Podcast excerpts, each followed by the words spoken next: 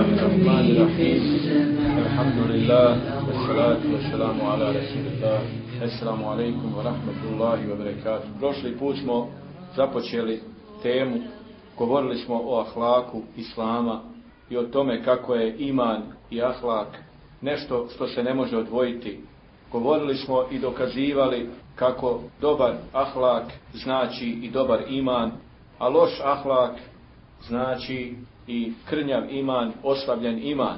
Večeras ćemo to samo proširiti i navesti još jedan argument ili dva, ali ćemo ga malo objasniti podrobnije, da je iman vezan sa ponašanjem, a počet ćemo sa jednim hadisi kućijem koga bilježi imam Bezar u svojoj zbirci hadisa, da je Allah Đelešanu rekao, ja primam namaz od onoga ko se njime pokorava mojoj veličini, ko dan provodi u zikru, ko je samilostan prema siromahu, siročetu, hudovici i putniku. Dakle, šartove Allah Đelešanu je ovdje postavio da primi nešto što je, što, bez čega ne može iman, a to je namaz. Šartove je postavio, a to je da ima čovjek lijep ahlak. Prema kome? prema siromahu, prema putniku, prema jetimu, prema udovici, da dan provodi u zikru, a kuće veća karakteristika islamskog hlaka, to je da čovjek stalno se sjeća Allaha, da spominje u toku dana mnogo Allaha Đelešanu. Dakle, kao da je namaz uslovljen ponašanjem. Što znači, ne može čovjek klanjati namaz, a biti ohol prema siročetu, bit ohol prema siromahu, bit ohol prema komši, bit ohol prema majci, bit ohol prema djetetu, prema ženi i tako dalje i tako dalje. Vidite kako je jedan lijep, lijep hadis koji nas uči da vidimo tragove od svog namaza. Da svoj namaz čuvamo lijepim ponašanjem. Da ne smije se desiti da onaj koji klanja namaz svakako se ponaša. Ne smije se to desiti, jer onaj koji klanja namaz je veliki primjer koji se pokorava Allahu on ne smije da s druge strane to upropasti ili da, da pokaže loš ahlak pa da ljudi kažu pa da onaj, koji ide u džamiju takav i takav. Uči nas vjera da budemo kompletan primjer ponašanja. Drugi hadis, i to je večera centralna naša tema, hadis koji govori u kome poslanik sallahu alaihi veselem kaže, koga bilježi Tirmizi i koji je vjerodostojan hadis, najbolji vjernici su oni koji su najbolji prema svojim ženama. Najbolji vjernici. Dakle, iman je doveo u vezu sa, sa hlakom, Prema kome? Prema ženi. Najbolji vjernici su oni koji su najbolji prema svojim ženama. Večeras ćemo govoriti o zaduženjima čovjeka i o njegovom ahlaku prema svojoj ženi, malo kroz jedan zanimljiv hadis koga je zabilježio imam Buhari, a govorit ćemo i o zaduženjama, zaduženjima žena i o njihovim velikim obavezama. Govorit ćemo nešto i o tome koliki je, koliki je grijeh ne voditi računa o porodici, zapostaviti obaveze porodice, žene, djece i tako dalje. Govorit ćemo i koliki je grijeh žene ako je neposlužna svome mužu i još neke druge stvari. Svega toga će biti, molim Allaha da blagoslovi ovo naše sjelo i da nam da da se popravimo, a nedavno sam saznao jedan lijepi hadis koji je velika inspiracija muminima. Wallahi, nema veće inspiracije od Černeta. Kaže Allahu poslani sallallahu alaihi ve sellem u hadisu koji je vjerodostojan, garantujem kuću na vrhu dženneta. Ima li neko da nije zainteresovan za ovu kuću? ima niko, svaki je zainteresovan.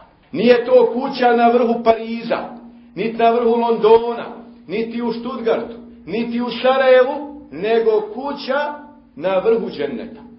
Koliko vrijedi? Allah najbolje zna koliko ona vrijedi. Kome? Ko popravi svoje ponašanje. Ko popravi svoje ponašanje prema drugim ljudima. Veliki hadis. Najveća inspiracija. Kada čovjek zapane u krizu ahlaka, pa nađe se negdje griješi, pa nađe, nađe se da je grub, nađe se da je, da da je oštar nekad pogriješi, nađe se nekad u nekim slabostima, ali vidite inspiraciju. Ne možeš, ne možeš doći u takvu situaciju da nemaš inspiraciju da se popraviš. Svako može da se popravi. Kuće ti veća nagrada. Da započneš da se analizira svoj hal i da kreneš da popraviš svoje stanje na bolje. Evo ti nagradi. Koja je nagrada? Najbolje mjesto u vrhu dakle imaš sobi priliku da zaradiš Kad je u pitanju ahlak u našoj vlastitoj kući i u odnosu prema, prema ženi, ima jedno poglavlje poglavlje u knjizi Veliki griješi, to ćete vi svi moći pročitati i vidjeti, a to je 68. poglavlje koje, je, koje se zove muževo neizvršavanje obaveza prema ženi. A to je veliki grijeh, poglavlje u, velikim grijesima. I tamo se navodi da je to veliki grijeh, muževo neizvršavanje obaveza prema ženi. I to je se odnosi i na ljude. I ovdje u, ljudi trebaju dobro da, da sebe vidi. Ali ima sada drugo što se odnosi na žene. Da ne bude sada da samo naginjemo na jednu stranu. Moramo biti pravi. Kaže, koja god žena zatraži razvod braka bez razloga, bit će joj zabranjen dženevski miris. Hadis bilježi i Zatim, četiri vrsta žena će u Sad žene nek dobro slušaju. Nek dobro vide sebe gdje su one. Jesu li među četiri vrste koje će u džennet ili su među četiri vrste koje će u džehennem. Ovo je hadis poslanika ale i salatu Prva vrsta žena koja će u džennet, poštena žena, pokorna Allahu i poslušna mužu. Evo je lijepe, lijepog obećanja i garancije. Druga koja će u džennet također, druga vrsta, Žena koja rađa djecu i zadovoljna je i strpljiva sa onim što ima s mužem.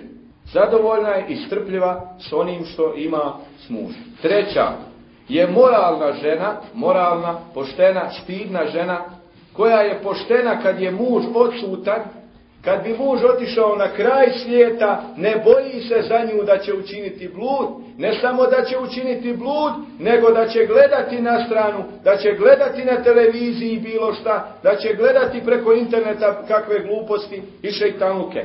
Siguran je kada ode na kraj svijeta da je ostavio poštenu bogobojaznu Jer nije samo blud, blud je i očma i tako dalje. Dakle, vidite, a kad je, kad je tu, kad je muž, nastavlja se dalje opis ove, sljedeće kategorije žena, a kad je tu, ne uznemirava ga svojim jezikom. Ne uznemirava ga svojim jezikom. Jezik što može insana uznemiriti, toga ne može uznemiriti ni vojska. Žena, sljedeća kategorija, četvrta vrsta žena koje će u džennet, žena koja poslije smrti muža ostane moralna dok joj Allah ne da izlaz. Dakle, žena koja nakon smrti svoga muža ostane moralna. To je veliki ispit, garantuje joj se džennet. Wallahi, velika je nagrada, velika je garancija. Ali, ako pogledate svakodnevnicu, svakodnevnica govori drugčije da mnoge žene su pale na tom ispitu i naša zemlja je po tom pitanju ima velika statistika a to je, znamo svi koliko je ostalo tih žena, međutim, rijetke su one žene koje su očuvale svoju čast i svoj moral. A četiri vrste, vrste žena će u džehennem. Prva vrsta, žena koja ezijeti svoga muža svojim jezikom. Žena koja uznemirava svoga muža svojim jezikom, a u njegovom odsustvu gleda na stranu. Nije moralna u njegovom odsustvu nije ne može garantovati, nije siguran kad ode u Japan da je ostavio u Bosni ženu, ženu koja je sahi i koja je poštena. Zatim druga vrsta, žena koja obavezuje muža onim što on nije u stanju. Allahu ekber. Daj ovo, daj ono. I, i gdje, su, gdje je kraj njezinih želja? Nema insana koji to može izdržati. Dakle, pretjeruje u dunjalku zaljubljena u dunjalu, zaljubljena. I onda opterećuje svoga muža i preko, preko njegovih mogućnosti. Treća vrsta žena, žena koja se ne oblači propisno i izazovna izlazi iz svoje kuće. Svojo, svojim oblačenjem privlači druge muškarce na sebe, pažnju njihovu i dakle jednostavno nije u, u, duhu islamski, islamsku islamskih propisa oblačenja. Dakle, žena koja se ne oblači propisno i izazovno se oblači i tako skreće pažnju na, nas I četvrta vrsta žena koje će u vatru, a poznato vam je kad je u pitanju ova treća kategorija hadis, dvije vrste ljudi nisam vidio, što je rekao poslanik Ali Satesra. To je ono, jeli oni što udaraju ko Kravni repovi ljude nepravedno i one žene koje su pokrivene, otkrivene. Pokrivene je Znači, ne uzubila provi ona ko, nešto samo formalno stavi, ali u stvari se sve vidi kroz to. I takve osobe poslanik se izrazio, nije sam i vidio. A učenjaci kažu koliko su te osobe zle i koliko su pokvarene osobe da je Allah sačuvao mu bare koći poslanikove da vidi takve osobe. Pa dovoljno je ovo sestri Muminki da bude moralna i da se lijepo pokrije i da takva izlazi na ulicu, kada bi odma nastupilo bilo šta, ti u ime Allaha to uradi, dobit ćeš nagradu. Ne obraćaj pažnju ni lijevo ni desno šta kažu ovi i šta kažu oni. Pokori se svome gospodaru i ne boj se za posljedica, Allah se brine o tebi. I zatim sljedeća kategorija, žena koja ne pridaje važnost ničem drugom osim jelu piću, spavanju, a zapostavlja namaz i pokornost Allahu, poslaniku i svome mužu. Kako je ovo fino opisano, ova kategorija žena. Valah i koliko je ima, samo Allah zna. Vidite kao, Znači, samo jelo, piće, spavanje i to je vrhunac njezne pameti. Vrhunac njezne škole. Da ima popit, pojesti na spavace. Spava do podne, ima pun frižider, hrane, pića i tako dalje i samo bira. I opet na kraju kaže, ako joj nije samo donio po želji njezino ono što ona kaže, nisi mi nikad u životu valju.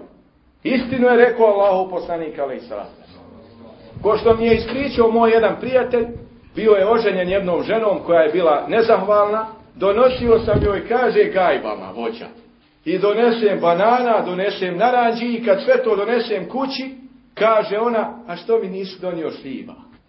Subhanallah, subhanallah, donije, donese svega u izobilju i on njoj naopane nešto tamo, baš što on nije donio. Pa nije, nije džaba kazna predviđena, nije džaba to. To sve ima svoje. To je ružni ahlak. To je znak jednog, jedne katastrofe u odgoju, odnosno ne odgoju. Nema odgoja. Zato mi govorimo o ahlaku jer je kriza ponašanja danas. Kriza ponaša, A mi, hvala Allahu, musmani, imamo taj ahlak koji samo treba naučiti i treba ga primijeniti u praksu. I onda bivamo, bivaju ljudi jednostavno najdepsiji primjeri na Dunjalku, kao što je rekla Iša za poslanika, ali selam, njegov ahlak je bio Kur'an, Kur'an koji je hodao po Dunjalku. Ovo je bilo Dakle, nešto samo da, da skrenemo pažnju na neke karakteristike loše ahlaka koje se mogu naći kod žena, ali istovremeno smo spomenuli i neke pozitivne stvari koje obećavaju velike, velike nagrade. Što se tiče lošeg ahlaka, nema sumnje da je svaki loši ahlak, pogotovo kad je u pitanju između muža i žene, od iblisa. Od iblisa i on ga inicira. Jer kaže se u predaji koju bilježi ima muslim, Iblis postavi svoj prijesto na vodu, a zatim pošalje svoju šetansku vojsku da zavodi ljude, obećavajući najbolju nagradu onome ko učini najveći bela i smutnju. Kada mu se vrati jedan od šetana i obavijesti ga da je uradio to i to, on mu kaže da to nije ništa. Zatim mu dođe drugi šetan i kaže, nije ostavio insana, dok ga nije nagovorio da razvede svoju ženu. Nije ostavio ibl, taj šetan insana koga je Iblis poslao na posao da radi, nije ostavio insana dok ga nije nagovorio da razvede svoju ženu. Slušajte šta mu Iblis kaže, vođa.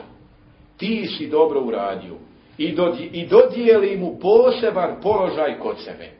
Poseban položaj kod sebe to je bila onaj koji je najbolji posao uradio za šeitana. Koji? Koji je poremetio islamski brak. Koji je poreme uzdrmao islamski brak. Koji je uspio da nagovori toga muslimana da razvede svoju ženu. Gledajte šta se danas dešava. Evo u zadnjem SAFU imate priliku da pročitate. Kaže, pustio me muž, u trudnoći, dao mi razvod. Valaj, to nije jedan primjer. To je toliko aktuelno danas, da se ljudi drugi čude otkud to među vjernicima. Otkud toliko učestali ti problemi bračni među vjernicima. Među pravim i, i muž žena vjernici. Međutim, otkud to? To je, to je, to je taj ahlak o kome govorimo, koji se ne popravlja. Muž je svjestan da ima grešaka kod sebe, ali je ohol, ima oholosti, će sebi da posluša ovaj hadis poslanika, ali selam, neće da sebi da inspiraciju da promijeni svoj ahlak. I neće da se popravi. I ne da nikome da mu to pomogne da se popravi. A isto tako i žena umislena, ako je samo umislena da je ona u pravu i ako ne želi popravak stanja, ne može tu ići na Najbolje je kad se dvoje slože da griješi i da se trebaju promijeniti. To je najbolje. Kad se nema ovlasti, kad se prizna greška, pogriješio sam, jes pogriješio, priznaj grešku. To ti je tako i pred Allahom. Ako priznaš, odmah si bolji. I zamoliš da se oprosti i zamoliš da ti Allah popravi stan. Dakle, vidimo da ove probleme inicira, inicira sam šeitan. Eh, sada, kad je u pitanju dalje nastavak ove naše teme, šta je još potrebno znati? Uzet ćemo jedan hadis iz koga ćemo uzeti nekoliko pouka, hadis koga bilježi imam Buhari, a govori o jednom primjeru iz života poslanika, ali i govori o jednom razgovoru nekoliko žena. A u stvari mi ćemo sada iz ovoga da učimo psihologiju žene, psihologiju muškarca, da vidimo šta su to nekad problemi kod žena, šta su to nekad problemi kod muškaraca i da svi zajednički uzmemo pouku i da svaki sebe tu prepozna i na kraju nam poslanik i salatu veselam na kraju hadisa da je jasno upustvo ko je od toga u pravu, ko nije, ko je pogriješio Ko nije i daje nam jasno uputstvo šta trebamo raditi. Jedan od najljepših hadisa koji ide na ovu temu braka, koji ja, ja nisam još ljepšeg pročitao. Hadis bilježi Buharija. Prenosi se da je Aisha rekla, radi Allah jednom se sastalo 11 žena koje su se međusobno obavezale i dogovorile da ni jedne tajne o svojim muževima neće kriti. I ovdje učimo odmah na početku, ja ću ići pouka hadisa. Jer imate u, to, u nauci, imate kada jedan hadis, nakon toga učenjaci izvuku pouke iz hadisa. Prva pouka da su se u vrijeme ashabi i žene međusobne sastajale i da su razgovarale o svojim problemima. To je prva pouka odmah iz hadisa na početku učimo. Dok danas ne mereš tri žene kako treba sabrat da razgovaraju, da se druže i da pokušavaju da rješavaju svoje probleme.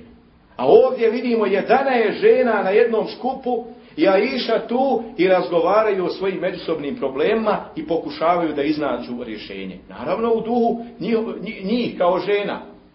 Ali su komunicirale i bile su sestre, volile se, pazile se i gledale su kako će popraviti svoj hal.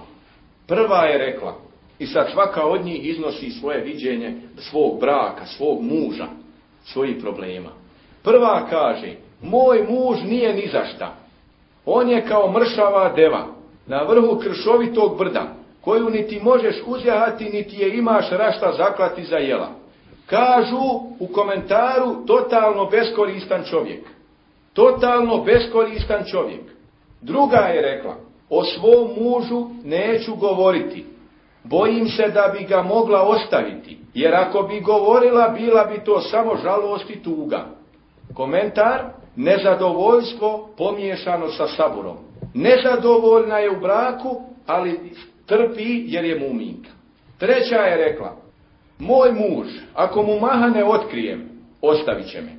A ako ušutim, ništa od takvog braka. Ako budem sutila, dakle neću ništa promijeniti. Ova žena pati i priželjkuje razvod braka, ali je dobro, razvoda braka teško doći jer muž ne želi da joj da razvod braka. Dalje, četvrta je rekla, moj muž je blag kao mekanska noć, ni vruć ni hladan, niti ga se bojim, niti mi je dosadan. Dakle, ova se pozitivno izjasnila o svome mužu. I mi odmah ovdje uviđamo lekcije, da ima pozitivnih i negativni primjer. Ima oni koji, što je istina dakle, gdje je istina, žene su bi u pravu, nalaze svoje mahane svojim ljudima, ali to je to stoji. A dok ima realni žena, ima žena koje lijepo žive i koje su zahvalne. Pazi, ima neka lijepo živi, ali ne nezahvalna opet. Neće nigdje reći da lijepo živi. Ali ova kaže, alhamdulillah, on je takav i takav. Na najljepši način ga opisala.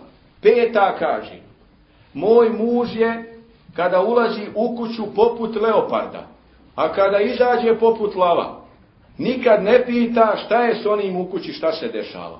Ovo je čovjek, dakle, jedan, kako bi rekli, grub čovjek koji puno ne, ne mari za ono šta se dešava u, u svojoj kući. Šesta, šesta je rekla, moj muž kada jede sve pojedi, kada pije sve popije, a kada legne samo se zamota i ne interesuje ga šta ja Kakve su moje potrebe? Subhanallah, subhanallah, slavljen neka je Allah Đelešanu i salavat neka je i selam na Allahovog poslanika sallallahu alaihi ve sellem. Wallahi, ovo je hadis sahi i u njemu možemo da naučimo velike lekcije. I ja sam sretan što me Allah učinio u tom ummetu i što me učinio i poživio da mogu da spoznam ovu istinu. Jer nema, drugi nemaju ovakvih lekcija. Drugi neće vas ovako moći naučiti. Nigdje ni u kakvoj drugoj vjeri ne možete naći ovakva objašnjenja i ovakva upusta vezana za ponašanje. Dalje, dakle i ovdje vidimo jednog čovjeka koji samo brine o svojim fizičkim potrebama, a ne, ne misli o tuđim fizičkim potrebama. Sedma je rekla, moj muž je nesposoban i nema ništa od njega. Sakupio je sve mahani. Osma je rekla, moja, moj muž je duša dobročudna ovo je sad pozitivno.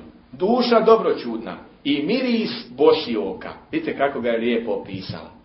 Odavde nek žene uzmu pouku koje imaju hajirli muževe koji se boja Allaha, koji paze, neka budu realne i poštene i pravedne i neka znaju cijeniti to što imaju, jer vidite kako ova je žena zahvalna i zadovoljna sa svojim mužem i kako je to na najljepši način iskazala. Deveta je rekla, moj muž je plemenita roda vitak kad hoda, da režljive duše i otvorenih vrata za goste. I ovo je jedan lijep primjer, pozitivan primjer jednog pozitivnog muža insana. Deseta, moj muž se zove Malik. A ko je Malik? Malik je mnogo bolji nego što se to riječima može opisati. Allah, Puni torovi deva ostaju, a malo ih ide na pašu kad, kada nas te gosti. Ona ističe jednu posebno njegovu vrlinu, a to je da je znao ugostiti svoje goste. Dakle, između svega onoga lijepog, ona spominje posebno jednu njegovu karakteristiku, a to je da je bio plemenit prema gostima. I ostala je još 11 žena. Da vidimo šta ona tu kaže. Moj muž je Ebuzer. Znate svi ko je Ebuzer ashab Allahu poslanika sallahu alaihi sellem za koga je rekao on, Allahov poslanik alaihi salatu salam nebo nije nadkrivalo, niti je zemlja nosila iskrenijeg čovjeka od Ebuzar. Allah. I on je rekao također za njega da je on najveći pobožnjak od njegovih ashaba. Najveći pobožnjak. Moj muž je Ebu Zer, a ko je Ebu Zer, uši mi draguljima okiti Mišiće zaobli, radost mi pričini, dušu mi napuni, nađe me s malim štadom i golemim jadom, a dovede me u, hrzaje konja i deva, krava, riku i žetelaca viku. Vidite, ona je došla, puno ima posla. za imao stoke, dosta dosta, imao, radio čovjek, na selu živio i tako. Sad ona opisiva kako je ona došla za njega i to, ta čitava atmosfera. Kada mu pričam, on me ne ruži. Spavam dok me sunce ne probudi. Pijem dok mi ne naudi. A majka Ebu Zerra, ali vidite ovdje jedne zanimljive stvari. Ona sad govori o svojoj svekrvi. A gledajte kako je lijepo opisuje. Ko je majka Ebu Zerra? trpe za golemi i dvora široki. Govori o njoj da je plemenita. Da nije skrta. A malo koja će danas nahat tako svoju svekrvu pofaliti. To je hak. A sin Ebu Zerra. Ona sad govori o Odjete, ko je sin Ebu Zerra? Postelja mu zelena palmina grana, a janjeća plečka hrana. Kći Ebu Zerra, a ko je kći Ebu Zerra? Ocu i majci poslušna. Odgojeno dijete. Odgojeno dijete, ona ističe sve osobine, braćovo je ahlak. Wallahi, sve su ovo lekcije. Tijela punašna, komšinice joj i zavisti usne grizu, što je odgojena po islamu. Vidite lekcija, vidite lekcija, braćo moja. Komšinice joj i zavisti usne grizu što je tako u islamu odgojena. Ta djevojčica. Sluškinja Ebu Zerra. Ko je sluškinja Ebu Zerra? Tajnu ne širi, hranom kuću podmiri i čistoću ne zanemari. Tri osobine odma nas uči tri lekcije. Kako je ta držala do čistoće, hranu je, kako je pravila i tako dalje.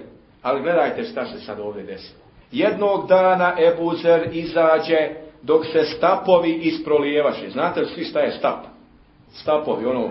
I gledajte, dok se stapovi isprolijevaše i drugu ženu nađe, ova žena što ga je ovako lijepo opisivala, rasto sebu za rodnji Drugu ženu nađe, ali slušajte lekciji, s njom bijahu dva dječačića, kao dva mala geparda. Dakle, on ženi ženu sa dvoje djeci, nakon njih. Ispod njezina skuta sa dva senara igraši, sa mnom se razvede i nju dovede. Ja se nakon njega udadoh, za plemića koji jahaše konje brzi, sa kopljima dugim i tovarima punim. Dade mi svakojaka blaga i reče, jedi, jedi i rod moj na hrani, ali kada bi sakupila sve čime me je darovao, ne vrijedi ni najmanjeg štapa Ebu Zerova. Ko je ova u stvari žena? Nije bila zahvalna sa onim što je imala kod Ebu Zerra i Allah je iskušao čovjekom kod koga je imala svega od Dunjaluka, ali nije imala Ebu pobožnosti, nije imala Ebu iskrenosti i nije imala oni osobina koje imala. Zar ovo nije pouka? Zar ovo nije pouka? A Iša dalje kaže, tada mi poslanik reče, jer vidite, ovo je Aisha ispričala poslaniku. I poslanik sad daje komentar na čitavu ovu priču. I iz tog komentara mi ćemo naučiti nekoliko fini lekcija. Prvo, ja sam tebi, on govori i svojoj ženi, kao što je Ebu Zer bio prema Umu Zer. Ja sam tebi, kao što je Ebu Zer bio prema Umu Zer. Time nas je naučio prvo da je Ebu Zer bio u pravu. Da je Ebu Zer i njegovo ponašanje, da je to bilo odlično ponašanje, da ona trebala da sabura kod njega i da se zadovolji sa takvim načinom života. Dakle, on je pohvalio Ebu I naveo sad, toliko ga je pohvalio da je njegov primjer odnosa prema svojoj ženi povezao sa svojim primjerom odnosa prema Iši. To je velika lekcija. Druga lekcija. Poslanik nije ukorio to što su žene međusobno razgovarale o svojim problemima. Jer većina od njih, dakle, zašto? Zato što su to problemi. o problemi ako se ne, o njima ne razgovara neće se ni riješiti. A čemu vodi to ako se neće riješiti? Čemu vodi? Vodi ogromnim posljedicama. Zato poslanik u hadisu nije ukorio nijednu od žena zbog toga što su razgovarali. Nego je sve to sašlo i na kraju dao upustvo da je najbolji primjer ono što je rečeno za Ebu Zerra i da je tako bi trebali muslimani da iz toga svega uzmu pouku. prilike, dakle, to je jedan opširniji hadis, jedan od ljepših hadisa iz koga naravno svi, svako može uzeti za sebe neke stvari. Možemo vidjeti kako je bilo uvijek problema u brakovima. Kako je uvijek bilo nekih trzavica i nesuglasica ali da rješenje nije u grubosti, rješenje nije u svađi, u prepirki. Vidimo da šeitan tu napada. Rješenje je u razgovoru, komunikaciji, na sihatu i u popravljanju svoga ahlaka. Ovim nam ističe prilike naše vrijeme za predavanje. Ja molim Allaha da nam podari lijep ahlak, da se i drugi na nas ugledaju, da budemo istinski primjeri pravi mumina i da naši brakovi budu uspješni i da to budu primjeri na koji će se i drugi ugledat, a oni koji imaju eventualnih problema neka se što više Allahu obraćaju, jer Allah daje izlaz kao što kaže Allah Đelešanuhu وَمَنْ يَتَّقِ Ko se Allaha boji, Allah će mu naći izlaz. وَيَرْزُقْهُ مِنْ غَيْرُ لَا يَحْتَسِبْ i obskrbit će ga odakle se i ne nada, pa makar to bila druga hajdu Ako, dakle, nema pokornosti, nakon izvjesnog vremena, boj se Allaha i traži izlaz, pa nek te Allah obskrbi, ako neće ova božnje, ako neće ona Allahu na seždu pet godina da padne ili deset, Molim Allaha nek te obskrbi s onom kojom je Allah zadovoljan, pa da okusi slast života muminkom na dunjavu. Subhaneke Allahume, hamdike, sedna, la ilaha illa, ente,